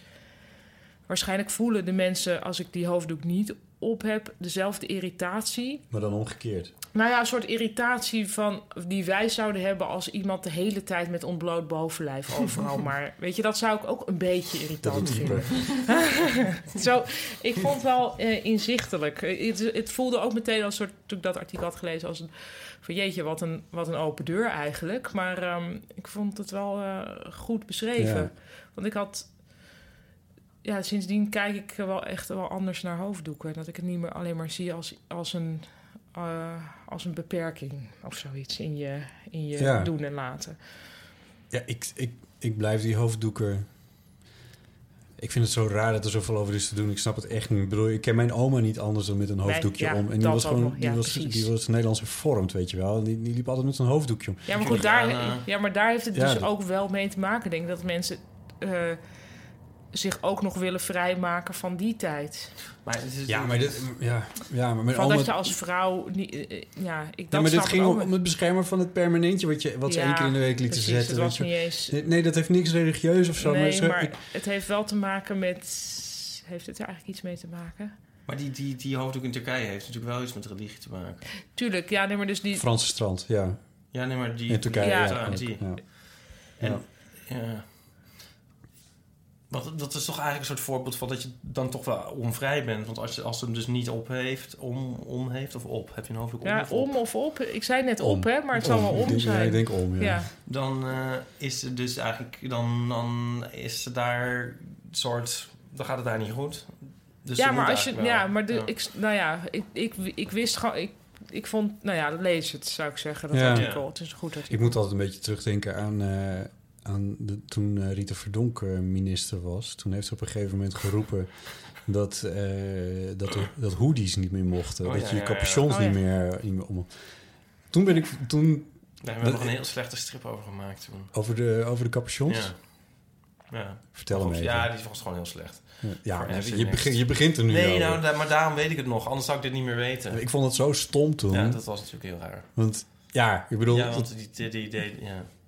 Die deden jongeren op en dan, dan waren ze moeilijk te herkennen op beveiligingsbeelden en zo. Ja, maar het heeft ook een. Capuchons hebben, bestaan niet alleen maar om op te hebben. Ik bedoel, dat is net Ja. als zo'n brommerhelm of zo. Maar ga je die dan ook verbieden? Dat is toch ook Ja, er zijn toch heel veel plekken waar je niet met brommerhelm Nee, mag wordt- komen? Dat is dus ook zo. Dan Ja, nou ja, ik het ben, ik ben, ik ben motorrijder, dus ik, ik, Oh, ken, ik ken het helm. Ja, maar geval. jij, jij Wist jij dit, wil ik nu zeggen. Maar dat weet jij Ja, natuurlijk. ik wist dit, ja, maar het is wel Dat vind ik nou helemaal... Ja, de, de luisteraars zien je nu niet. Maar Ik probeerde ik mijn... zie hier eh, totaal geen motorrijdershuishouden, gek genoeg. nee, klopt. Toch? kan je mijn rijbewijs laten zien? Dat is Nee, eigenlijk ja, alles. ik geloof het wel. Zo ben ik dan ook wel weer. Maar is dat Een ineens gekomen dat je ging... eh, was het, is het al lang geleden gekomen dat je ging Kijk, motorrijden? toevallig ligt hier het boekje van mijn, eh, van mijn motorfiets. Die, motor Nee, ik probeer, ik probeer de diverse crisis eh, voor te zijn. En hoe lang ben je al motorrijder? Nu een jaar of zes, zeven. Toch ook zes. alweer. Toch wel, toch wel een tijdje. Toch, Toch al ook wel. alweer. Dat is ook een mooie. Waarom vertel ik dit? Oh ja, dus Ja. ik heb wel eens een helm op en ik zie dat... en ik- het is inderdaad zo als je bij tankstations naar binnen loopt... dan, eh, dan is er een niet. bordje dat... Ja. eh, Maar Maar je dat gaat ook niet over de Kalverstraat lopen met je helm op. Maar ik heb zo'n helm waar het voorste... Nee, maar ik heb zo'n helm waar het voorste deel dus zeg maar van open kan. Dat klinkt nu Dus heel niet bijzonder. een integraal helm. Je bent op de hoogte. Ja, een integraal helm. Zo, ja. ja, nee, dit is een... eh, nu ben De ik de term boerka onder de, onder de helm is, is dat. En, Als je een ehm, boerka onder je helm hebt, dan ben je echt, dan ben je echt onherkenbaar. Maar wat ik dus, want het is een gedoe namelijk, een helm eh, op en af. En eh, dus als, je dat, als ik dat doe, dan is het hele voorste deel van mijn gezicht vrij. En zo loop ik wel eens een tankstation binnen en dat is nooit een probleem. En wat gebeurt er met je haar als je een helm op hebt gehad? Ja, dat is best wel Dat is erg, denk ik. dramatisch. Ja. Ja. Ik heb dus een heel erg mooie hippe bivakmus van, eh, van Diesel. Je moet iets dichter bij Oh. je microfoon gaan zitten. Ik nee, of dus je een- microfoon iets dichter naar je mond toe trekken. Ik heb dus een heel mooie bivakmuts van Diesel, maar die durf ik ook nooit op. Maar die is echt heel erg lekker warm. Dan, dan ben ik zo... Ja, het is, niet- is het een bivakmus? Maar dan alleen zo dit is... eh Je moet even beschrijven voor de luisteraar wat je Dus nou precies tot, eh, aftekent. op- mijn wenkbrauwen is Ja. Oh, wat eh, gek. open. Ik zie helemaal niet hoe dat hip kan zijn. Maar nou, dat is Maar- het ook niet echt. Maar hij is, hij is wel echt super mooi. Met oranje en geel en patroontjes en zo. En echt warmer kan niet, want het is helemaal dicht Dat is zo in je oren en zo. Maar ik denk Ja. dan toch altijd van, oh ja, dan, dan, dan, dan, dan word ik natuurlijk weer van Maar de hier, weg gehaald. hier moest ik van de week aan denken, want, die, want nu is er weer die discussie over of eh, de boerka verboden moet worden. Eh, en de boerka, dat is helemaal gezichtsbedekkend. Eh, er schijnen in Nederland maar iets van 100 of 150 mensen met zo'n ding rond te lopen Hmm. of zo. Dus dat is echt helemaal niks. En ehm, eh, waarbij ik denk van ja, maar wat, wat, want het argument is al van ja, maar ik wil, ik wil gezichten zien. Mhm. Waarbij ik me dus ook steeds afvraag van... ja, maar hoeveel gezicht moet je dan inderdaad zien? Want een, een, ook een bivakmut heeft namelijk wel een functie. op een bepaald moment. Ja. Als je bijvoorbeeld een Elfstedentocht rijdt, om even een willekeurig voorbeeld te Ja, maar goed, dan, dan ga je volgens mij de wet wel heel erg naar de letter nemen, toch? Het gaat, je kan toch, ja, ik bedoel, Ja, stel, ja, dan kan je ook wel zeggen van, ja, ehm, kijk, eh, als we hier, als het min 40 graden is en alle, en er is totale chaos uitgebroken en, en iemand gaat in een karkas van een koe liggen om nog warm te blijven. Nou, begrijpelijk, toch? Op Maar dan- wist ik al dat je er hier naartoe ging. Heel Echt gek. waar? Ja, ja. ik moest Oh, ook dan, denken. Nou, Die Maar dat ik- is een heel erg. En ik Ja, dacht, nee, ik ja. laat er vooral even uitpraten, anders moet ze weer drie keer in de Nee, maar dan, en dan is het dan niet. Pas dat vanaf in, min in, 40 hoor, niet meteen. Maar toen dacht ik van, zou het... Ja. Nou, dat, nou, en dan, maar dat wil nog niet vegetariërs dat zeggen. Ja, dat zou ik zeker van een vegetariër ook compleet begrijpen dat je dat zou doen. Ja. Dus, dus zo moet je dat niet. Nee. De Elfstedentocht erbij halen is vind ik een heel Friese manier van, van de discussie naar je toe trekken. Eigenlijk. Maar dan ga ik er nu een Brabantse manier eh, Oh, van de discussie naar me toe trekken. Dan komt de carnaval. Want dat, is, want dat is namelijk wel in de wet gekomen... dat je bij bepaalde gelegenheden wel maskers mag dragen. misschien is dat al Ja. het volgende feest dat we ook maar gewoon kunnen afschaffen. Ja. Dat zou ik niet zo erg vinden, maar ik ben dan ook een Noorderling. Ik zou het ook niet zo erg vinden. Ik vind dat ook niet zo erg. Ik vind het altijd irritant dat mensen met carnaval... en dan zijn ze uitgedost en dan durven ze opeens heel veel. In de trein en op het station en zo. Zie je ze Nou, dan? ik denk dat dat wel een functie heeft. Japanners doen dat met één glas alcohol. En dan Oh, ja. meteen echt heel dronken zijn of doen alsof. En dan helemaal compleet gewoon in een, in een hoek van het café... gewoon in een soort coma-zuip toestand liggen. Na een sake. Ja. Wauw. Ja, Nou, dat is, maar dat is Aziaten echt een beetje zo- altijd een soort, soort super conformistisch. En dan opeens is het een Ja. soort... eh, oh, wat zijn we... Dus, ja. Verder in die krant, nu komen we bij de rampen. De eerste aardbeving was in midden-Italië. De eerste van de hele reeks waar volgens mij nu nog steeds aardbevingen Mhm. zijn. Eh, en dit vond ik wel echt heel zielig hoor. We, hebben, we hadden het ook net het eerste Oh fotootjes gehad van die eh, Syrische kindjes. En, dat, Oh, en daar moest ik nu wel even echt aan denken. Want dat is nu dus echt al meer dan drie maanden is dat echt al aan de hand. Want dat, die, Maar dit was dit van het jongetje in Aleppo. In dat was een week dat- daarvoor toevallig. Maar ze hadden nu in deze krant stonden ook foto's Ik- van ja, kindjes. In, Die, eh, die foto's vermijd ik dus. ja, ik, dat, eh, de- dat doe ik dus ook een beetje. Maar ik vind, het, ik vind het dus wel heel erg dat het nu nog steeds aan de hand is. Dat het nu nog steeds... De sfeer zit er weer goed in. Nou, Ja. maar Donald Trump gaat er wat aan doen. Ja, Ja, ja hij gaat Maar nee, de maar- Syrische kwestie oplossen. Fijn. En, en vrede tussen Israël en de Palestijnen. Hij is- hij Wat heeft hij gezegd? Ja, hij was al op- bij de New York Times. Ik heb het hele tijd over de New York toch? Times. Was hij, oh, ja, die gaat hij aanstellen als speciaal gezant. ja. En eh, hij ging Poetin eh, gaat hij ook even bellen. En dan eh, dat met die Syrische kinderen ook geregeld. afgelopen. Israëlisch-Palestijns conflict. Eitje. Ja. Ehm, Maar hij zei ook... Ja, ik zou het heel leuk vinden als ik degene nou eens was die dat oplost. ja, Dat zou ik, ik, zou dat ook, ik zou het ook heel leuk vinden als ik degene was die Ja, dat, dat- nou eens op zou Ik lossen. zou het zelfs leuk vinden als hij degene was die het Ja. oploste. Ja, dat is dan ook weer zo. Goed.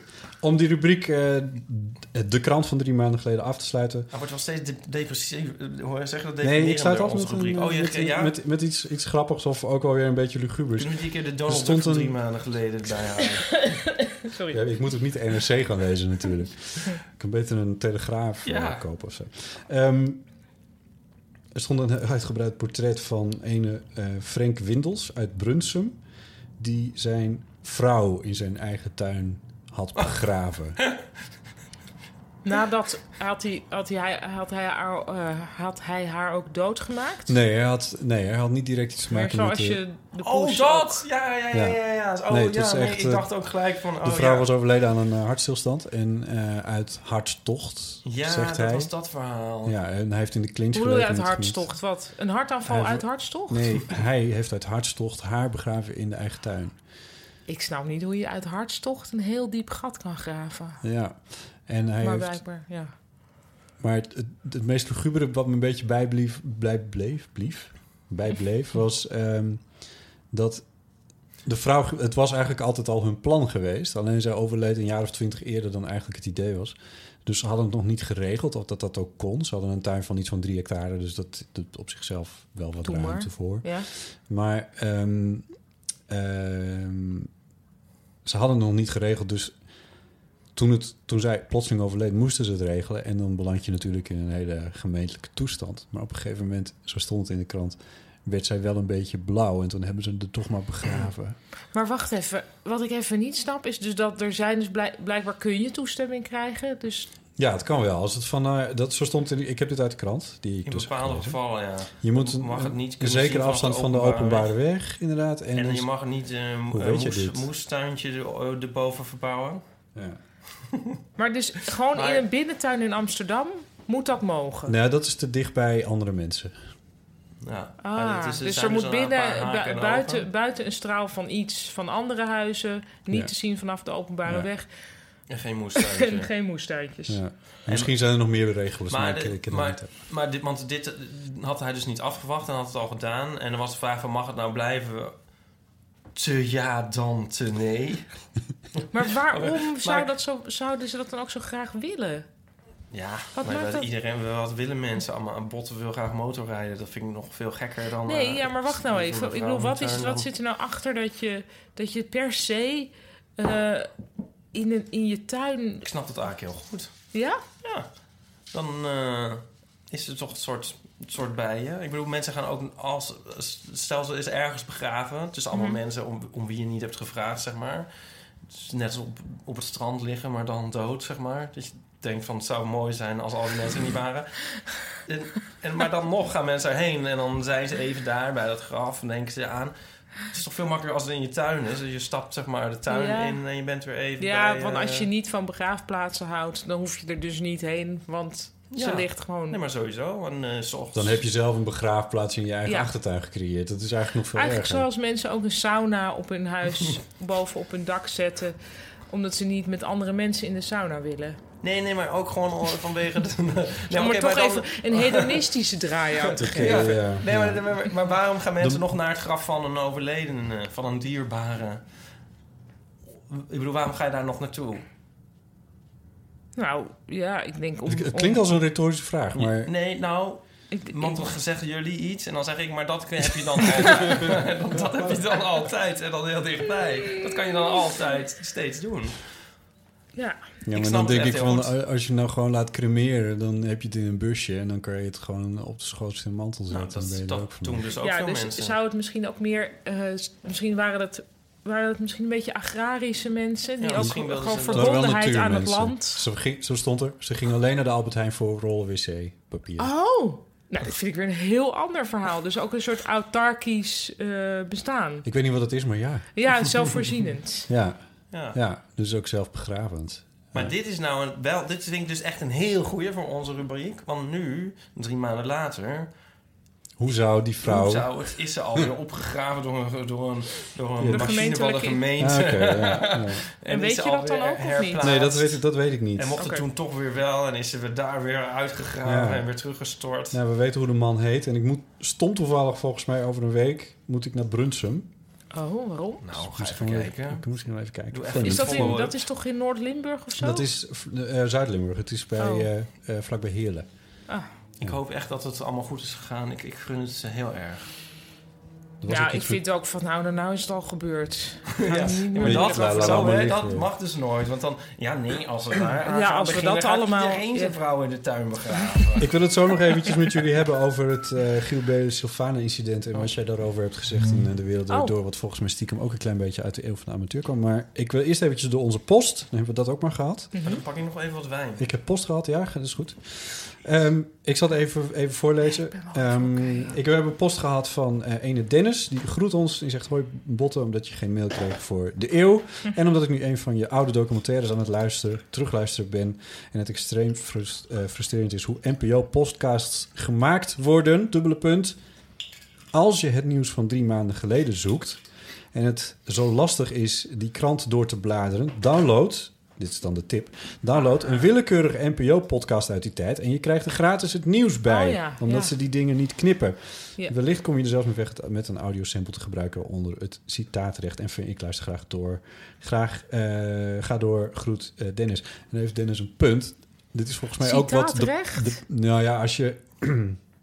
dat is, je mag in principe niet zomaar dingen overnemen van... eh, Ja. andere audio, maar Ja. onder, onder eh, het mom van citaatrecht, onder het mom, het is gewoon een officieel recht, eh, mogen journalisten wel eh, audio gebruiken. Als ik een stukje uit de Wereld Door van jou wil gebruiken, dan hoef ik niet de Wereld. Door of jou daar toestemming voor te vragen, zolang het maar gerechtvaardigd is in journalistieke zin om dat te laten horen.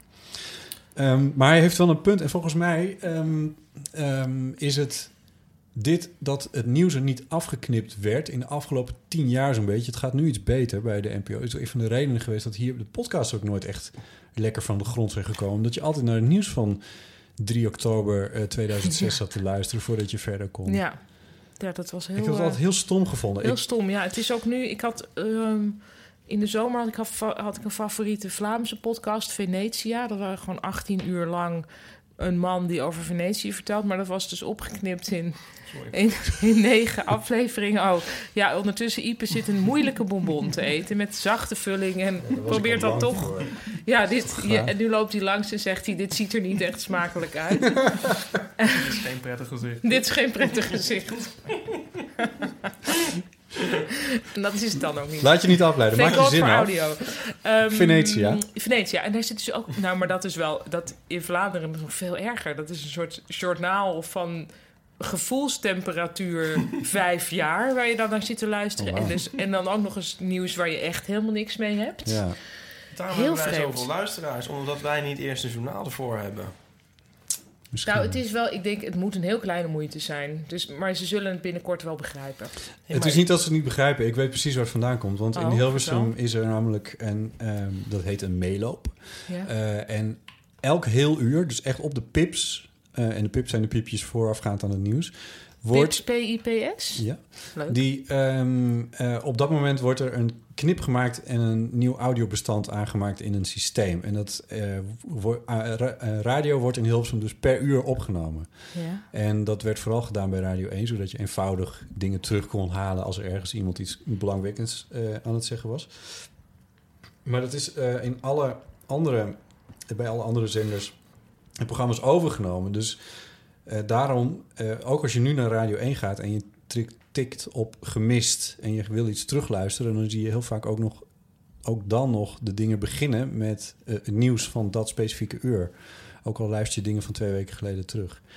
Ja, maar dat terugluisteren, oké, dat snap ik. Dat is net als een krant terugbladeren. Maar als je er vervolgens een podcast van Ja, maar die maakt, werden dan- dus niet geknipt. Dat werd automatisch. Ja, en dan denk ik van, maar dat is volgens mij niet zo heel moeilijk. Het is vooral heel te- dom als je het niet doet. Niet knip. Ja, het is niet zo moeilijk. En Nee. het is heel dom als je het niet doet, omdat het heel afstotend werkt. Ja, het werkt als iemand- We zijn het eens. Ja, Dennis ook. Dank Dennis voor je, voor je bericht. Eh, nog eentje eh, van Klaas-Jan. Eh, ik luister in de auto dagelijks naar de podcast. Heb me Wat gaaf, Klaas-Jan Huntelaar, of niet? Ja. Sorry. Dagelijks? Eh, heb me geabonneerd op de Eeuw van de Amateur. Ga ik het voorlezen? Ja. Want de naam Botte Jellema staat bij mij door Nooit meer slapen... en een podcast over media en dat is gelijk aan audiokwaliteit. En een smiley. Je kan dit soort dingen ook door ons laten voorlezen. Maar, zegt hij, ik heb me niet via iTunes of Soundcloud geabonneerd... maar in de Android-app Pocket Casts. Ken je, kent iemand dat? Nee? Nee, ik vind heel moeilijk alles wat... Ja. Hij zegt van zo'n RSS-ding, maar dan eh, niet moeilijk en met een goede zoekfunctie. Oh. Ik was eigenlijk benieuwd, kun jij als podcaster buiten platforms zoals iTunes en Soundcloud je aantallen RSS-abonnees eigenlijk meten? Zo niet, dan mag je dus nu handmatig een turfje bijschrijven bij... Eigenlijk veel meer luisteraars dan al wisten. Nee, want dit zal ik jou en Klaas-Jan even uitleggen. Ehm, eh, de audio van de Eeuw van de Amateur staat op Soundcloud. En eigenlijk alle apps, inclusief die van iTunes, die eh, lezen vanaf Soundcloud. Dus elke play die hier op iTunes komt... en elke play die hier vanuit Stitcher of vanuit ja. TuneIn komt... die eh, via RSS kijken ze naar de audio die op Soundcloud staat. En Soundcloud die telt voor mij. Oké. Dus eh, die duizenden luisteraars die we daar hebben zijn, dat is meer dan dat is het ook Ja. niet. Ja. Hey, Botte, het eerste deel van die mail ging zo snel. Zou je dat nog één keer kunnen Ik zal het straks even losknippen en zet ik het nieuws ervoor en dan herhaal ik het. En dan hadden we nog van een eh, Wendy. I'm a very fun, spontaneous and adventurous person. I love to explore new things in life as well as... En dan een ingewikkelde URL waar ik niet op heb geklikt. Dankjewel, Wendy. Nice. Ik dacht, oh, dit is ook wel erg. Ik dacht, oh, nou, leuk. Er heeft ook een vrouw gemaild. Ja, Ik dacht, er is geen post, want Paulien is nu hier. Ja, omdat ik de enige ben die mailt. Ja. Maar ook jij hebt gemaild. En zo komen we, een heel mooi bruggetje, Ah. dankjewel Ipe, bij ehm, waar we de vorige keer eh, over hadden. Mijn mail is dan ook weer heel en Bram de lang. Wijs niet gemaild. Met Bram heeft niet gemaild. Nee. Sorry, jongen. Nou, Ja, die, die mag is niet meer, krediet aan het die verliezen. mag niet meer aanschuiven. Ehm, toen Linda hier zat, toen hadden we het over een psychologische term. En daar mailde jij over. Ehm, een psychologische term over die ontgroeningen. Van waar Ja. zijn ontgroeningen nou goed voor? En ik zei dat ik bij mijn colleges psychologie, een studie die jij netjes afgemaakt hebt en waar ik slechts een paar colleges van volg, ehm, iets had gevonden. En dat was het. Ik heb de term toen niet genoemd, maar in in de mail heb ik het eh, wel aan je gestuurd. Eh, het insufficient justification heet dat. En dat gaat inderdaad, zoals jij terecht in de mail zei, over cognitieve dissonantie. Voordat niemand meer snapt waar dit over gaat. Het ontgroenen, zei ik, van is iets van ehm, als je eh, die ontgroening doet, dan moet je dat wel heel erg leuk gaan vinden met z'n allen, omdat het anders heel erg zinloos wordt. Dus in je hoofd maak je wat er daarna komt, namelijk het lidmaatschap van, eh, van het koor, maak je zo leuk in je hoofd dat het daarna ook op geen enkele manier meer tegen mag vallen. En dat is eh, de insufficient justification van cognitieve dissonantie. Over dat soort dingen mailen Pauline en ik Stockholm dus. syndroom dan een betere. Soort Ja. van ja, cognitieve dissonantie zegt volgens mij ook dat je, dat je hoofd het eigenlijk niet aan kan om. eh, eh, De wereld. ja, Maar cognitieve de wereld ook niet. dissonantie is meer van dat je twee tegenstrijdige opvattingen Ja, gewoon- dat kan je niet. Nou, maar, Dat- dus Van de dan werkelijkheid. Moet, Ja. nou, ja, dan moet je dat, dan moet je iets aanpassen. Dus maar pas je toch het in je hoofd aan en niet de werkelijkheid. maar cognitief is dat nu meer van als je... Dat je, zeg maar, dat je zegt dat je tegen dierenleed bent, maar wel vlees eet. Dat is meer Dat is Nee, ook nee. Nou, dat is, nee, dat is, dat is be- gewoon. eh, het is meer wat je, wat je. Volgens mij is een goed voorbeeld. Stel, ik vind Botten heel aardig en ik vind jou niet aardig, maar jullie vinden elkaar aardig. En ik hoor dat. Dus van wij, oh, leuk. Oh, die Ipe. En dat jij dan zegt, oh, nee, maar Ipe is super aardig. En dan moet ik iets gaan doen in mijn hoofd. Dus dan moet ik gaan denken, hè, maar dat kan niet. Ik vind hem aardig. Eh, ik vind Botten aardig, maar Ipe niet. Dus ofwel, Ipe moet toch aardig zijn... of er is iets met botten wat ik dus niet zo aardig vind. Want anders kan het niet. En dat is volgens mij wat cognitieve dissonantie is. Dat je niet de situatie kan laten blijven bestaan in je hoofd... Oh, van ja? twee tegensprekende werkelijkheden. Heb je nou eigenlijk... Maar dan, en dan pas je het aan? Of dan... Nou, dan ga je dus aanpassen. Ja. Ah. Ook oh, bijvoorbeeld, eh, je Dat gaat een auto kopen... verkeerd begrepen, die Ja, dus term. een een auto, je wil een auto, je wil per se een, eh, een Citroën Berlingo. En dan en, oh, ben je zo enthousiast over, dan blijkt dat dat niet kan. En dan koop je een Ford Tourneo. En dan is er volgens, oh ja, maar dat is ook eigenlijk beter. Want nu blijkt. Ja, Ja, precies. ja. Ja, ja. Ah ja, En maar dan vind ik dat wel ga een je die- voor die... Ja. Daarna ga je ook, dat, er zijn ook statistiekjes van die bij psychologie inderdaad dan worden uitgelegd. Daarna ga je dat echt eh overcorrigeren, hoe goed die auto eigenlijk wel Ja. niet is, die, waar je wel op voor hebt gekozen. Maar wat is dan insufficient Of justification? Is gewoon wat het... Ik bedoel, dat, is dat ook nog een... Nee, dat, dat, is dat aanpassingsproces, dus dat is meer in detail. Want letterlijk is dat gewoon onvoldoende rechtvaardiging. Dat je Ja. gewoon maar iets, maar iets vindt eigenlijk. Ja. Ik bedoel, is dat een psychologische term? Dat is meer, of is het is een term uit de psychologie. Ah Ja. ja. Ah. Ja. Ja, maar het, het hoort allemaal bij het cognitieve dissonantiedeel. Veld. Maar wat nou leuk was, Ja. wat gebeurde er nou? Giel Belen die maakt een enorme uitglijder door eh, apengeluiden te laten horen. En eh, in, de, in de aanloop naar het aankondiging van een nummer van de Arctic Monkeys. Mhm. En daarbij eruit te flappen iets over Sylvaan. Ik ben eens vergeten wat hij... Iets rustig, Rustig. rustig. Sylvaan. Daarover zat hij in de Wereld Draait Door... op het moment dat jij ook in de Wereld Draait Door zat. Over Coat B zou ik gaan praten. Ja. dus ik zat niet aan die tafel, Nee. zoals dat dan heet. Ik zat aan tafel 3. En hij zat aan tafel 2, geloof ik. En een paar dagen daarvoor had Linda dit Ja. hele cognitieve dissonantieverhaal hier verteld. Nee, niet Maar ze ja. had ook nog iets anders Ja, gezegd. ze had het gehad over... White over privilege. ja, over white privilege eigenlijk. En over hoe je je... Ze had, vond ik, een heel mooi... eh, ze verwoordde het heel mooi. Van het, het leven is... Dat je je leven leidt als een game... En dat je dat op verschillende moeilijkheidsgraden Ja. kan spelen. Ja. Dus je zet hem op, eh, op amateurniveau of op pro-niveau. eh, Ja, en, en dat, maar je hebt er zelf geen controle over, want je bent bijvoorbeeld behept met een slecht been, of je hebt homo, of je bent, Ja.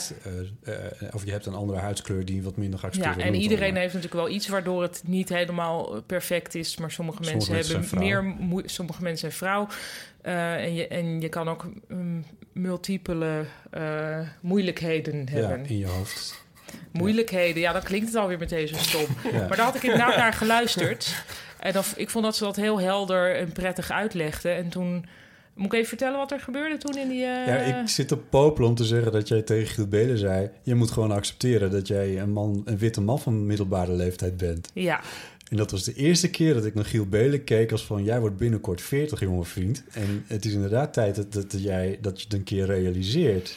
Ja, ja dat was, het, was, ik, het is totaal niet mijn gewoonte om me te bemoeien met eh, gesprekken die, waar ik niet voor ben uitgenodigd. Eh, dus ik zit. volgens mij werd er wel naar je gekeken. Je microfoon stond meteen open in ieder geval. Nou ja, want dat is wel iets dat je aan mijn, aan mijn gezicht vaak kan zien wat ik ergens van vind. En Matthijs, ik zat in het gezichtsveld van Matthijs en die zag dat ik. Ik, ik vond dat het gesprek een vreemde wending. Deed je een oogrol? Ik deed een oogrol. Paulien, zie ik je heel fronsend kijken? Dat, dat vind ik nou ook weer een beetje gek om dat hetzelfde te noemen. Ik denk, maar en ik zit niet op sociale media, dus misschien zeg ik iets wat al lang is gezegd. Maar Giel, is het niet ook iets van dat je je moet realiseren dat je misschien nu gewoon ja, een blanke man van middelbare leeftijd bent? Eh, en niet meer eh, de jongen eh, die in zijn in zijn zolderkamertje radio maakte. En dat je dus je leven eigenlijk op een makkelijker manier leeft dan iemand die niet een blanke man van middelbare leeftijd is. Ik denk dat dat het ook Ja, is. kijk, Ik dacht ook op dat, op moment wel, eigenlijk moet ik ingrijpen. Want wat was de situatie?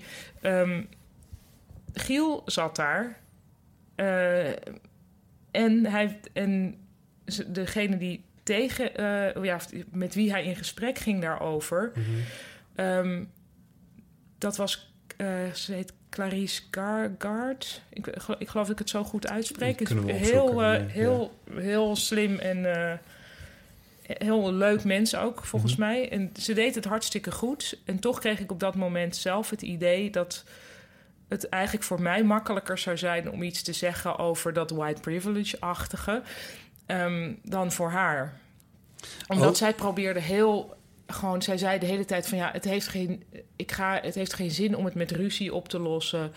Er zijn. eh, eh, en toen dacht ik, ja, maar er is toch meer aan de hand. Nou, wat er ook nog aan de hand was, was dat Giel eerst zich verontschuldigde... maar later ook een soort van in de verdediging schoot. Het leek een beetje, en dat, ik, ik kan ook wel snappen dat dat, dat ja, van oh, wat vervelend is het voor mij, zeg maar. Hè? Ja. Eh, zo, dat, die toon kreeg het een beetje. En ik snap ook wel dat hij het echt allemaal niet naar bedoelde. En dat hij dan dus denkt... en al die bagger die ik er over me heen krijg... en daar word je dus zelf weer een soort slachtoffer Ja. van. Dat snap ik ook wel. Maar ik dacht op dat moment ook van... ja, het heeft toch iets te maken met de positie die je hebt... Ik zei geloof ik ook, ik weet ook niet meer. Het, het had- het had er van mijn kant echt helder uit kunnen komen, helaas. Maar ehm, Nou, ik vond het wel goed. Ik vond het heel goed. Maar dat nou, heeft ook te maken met dat ik stiekem een beetje trots was... omdat ik het gevoel had dat je het een Ja, beetje... het was absoluut. Het was absoluut omdat ik vlak daarvoor Linda Duits dat had horen zeggen. Of op die heldere manier had horen zeggen. Ehm, en, eh, en ik dacht dat op die manier kan ik zeggen wat ik vind. Namelijk van hé, hey, eh, Giel en ik zijn ongeveer even oud. Ehm, en dan is het niet meer zo dat je.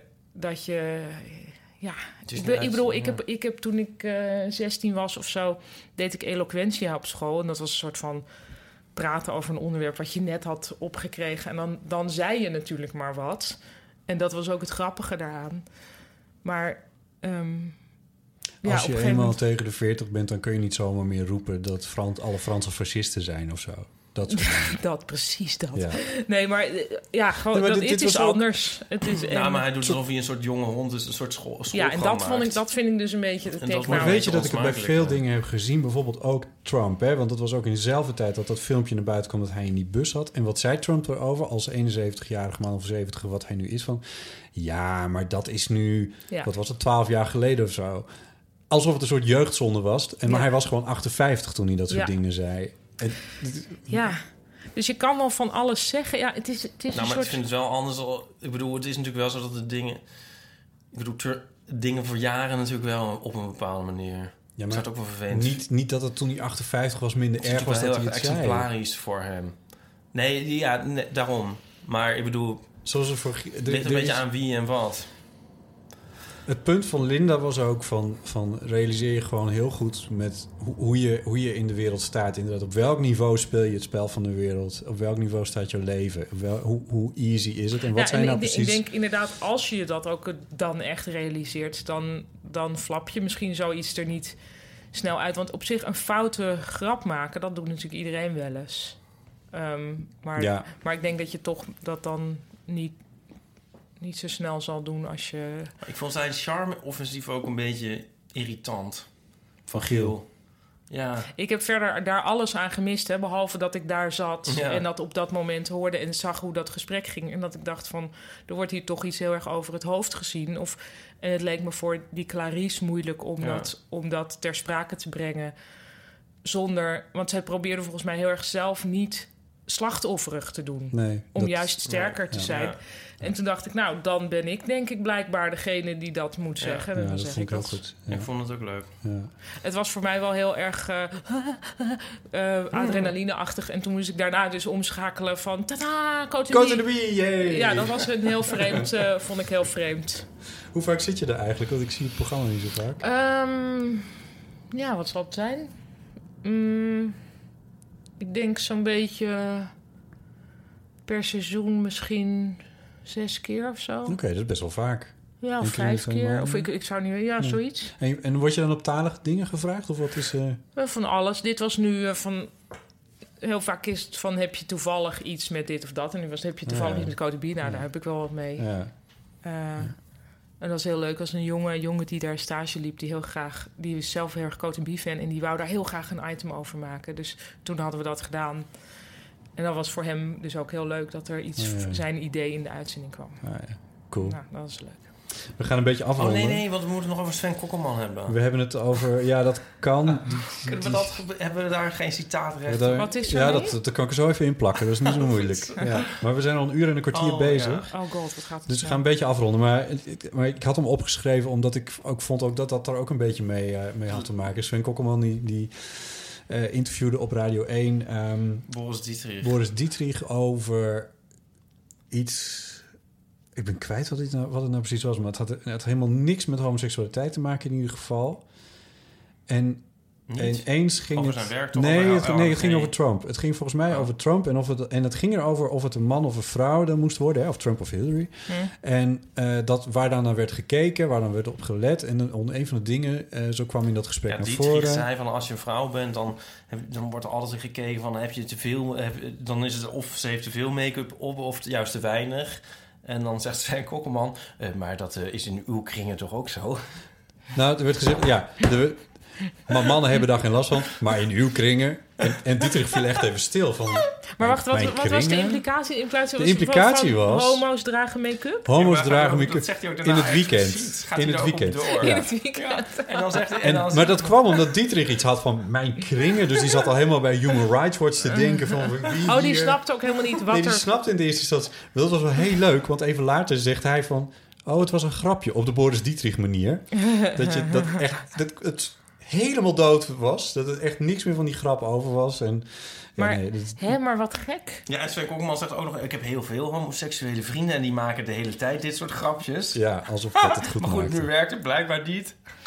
Oh, wat grappig. Ja. Het is genieten. Wat gek. Het is genieten met een... Tenminste, ja. Maar en, en, en, Nou, ik vond het ook heel erg. Omdat ik dacht van, zo kijkt Sven Kokkelman dus kennelijk... En al is het, hij bedoelt het als grap, maar dan nog... In elke grap zit... Dat is de kern van een grap volgens mij. Dat er zit altijd wat waarheid in. It's funny because it's true. En dan, en dan kijkt hij toch zo tegen homo's aan... En, en dat wordt dan zo een beetje weer... maar waarom ja, wordt dit of, dus niet een... wacht even, er is misschien ook nog wel een enige andere interpretatie van... eh, even, even ervan uitgaan dat Sven Kokkelman inderdaad homoseksuele vrienden heeft. Wat we niet weten, maar vrienden heeft. Eh, laten we zeggen, hij heeft die. Ehm, en dat hij daar inderdaad op een buddy-buddy manier zo mee geint. En dat, Dat- ze ja. ook met hem geinen over Ja. van... nou, even mijn mascara doen, ik noem maar wat. Ja. Hè, of een andere wildkomische opmerking. Ehm, en dat hij dat dat een soort verbondenheid... Mhm. eh, eh, dat hij dat voelt met die vrienden. En dat hij eigenlijk bij Boris Dietrich dat instantaneously ook wil. Ja. Door juist, juist een grap te maken. Dat het eigenlijk een toenadering is. Meer dan een heel vreemde Ja, afstoot. Zo zou hij het kunnen hebben bedoeld. Op de radio klonk het verschrikkelijk. Ja. En iedereen die zat te luisteren, die, die, die struikelde er Maar waarom op. is dit geen nationale rel geworden? Waarom, waarom zit hij niet bij de Wereld Door om boete te doen? Omdat het op de radio was. Nou, Dat is niet waar. Giel was ook op de radio. Nou, omdat ik denk omdat, eh, omdat Boris Dietrich niet al maandenlang volstrekt wordt overladen door ja. doodsbedreigingen. Nee. En Sylvana wel. Wat ik Ja. ook nogal een verschil vind. Dat is, ja, absoluut. Ja. Ja, dat zal het zijn.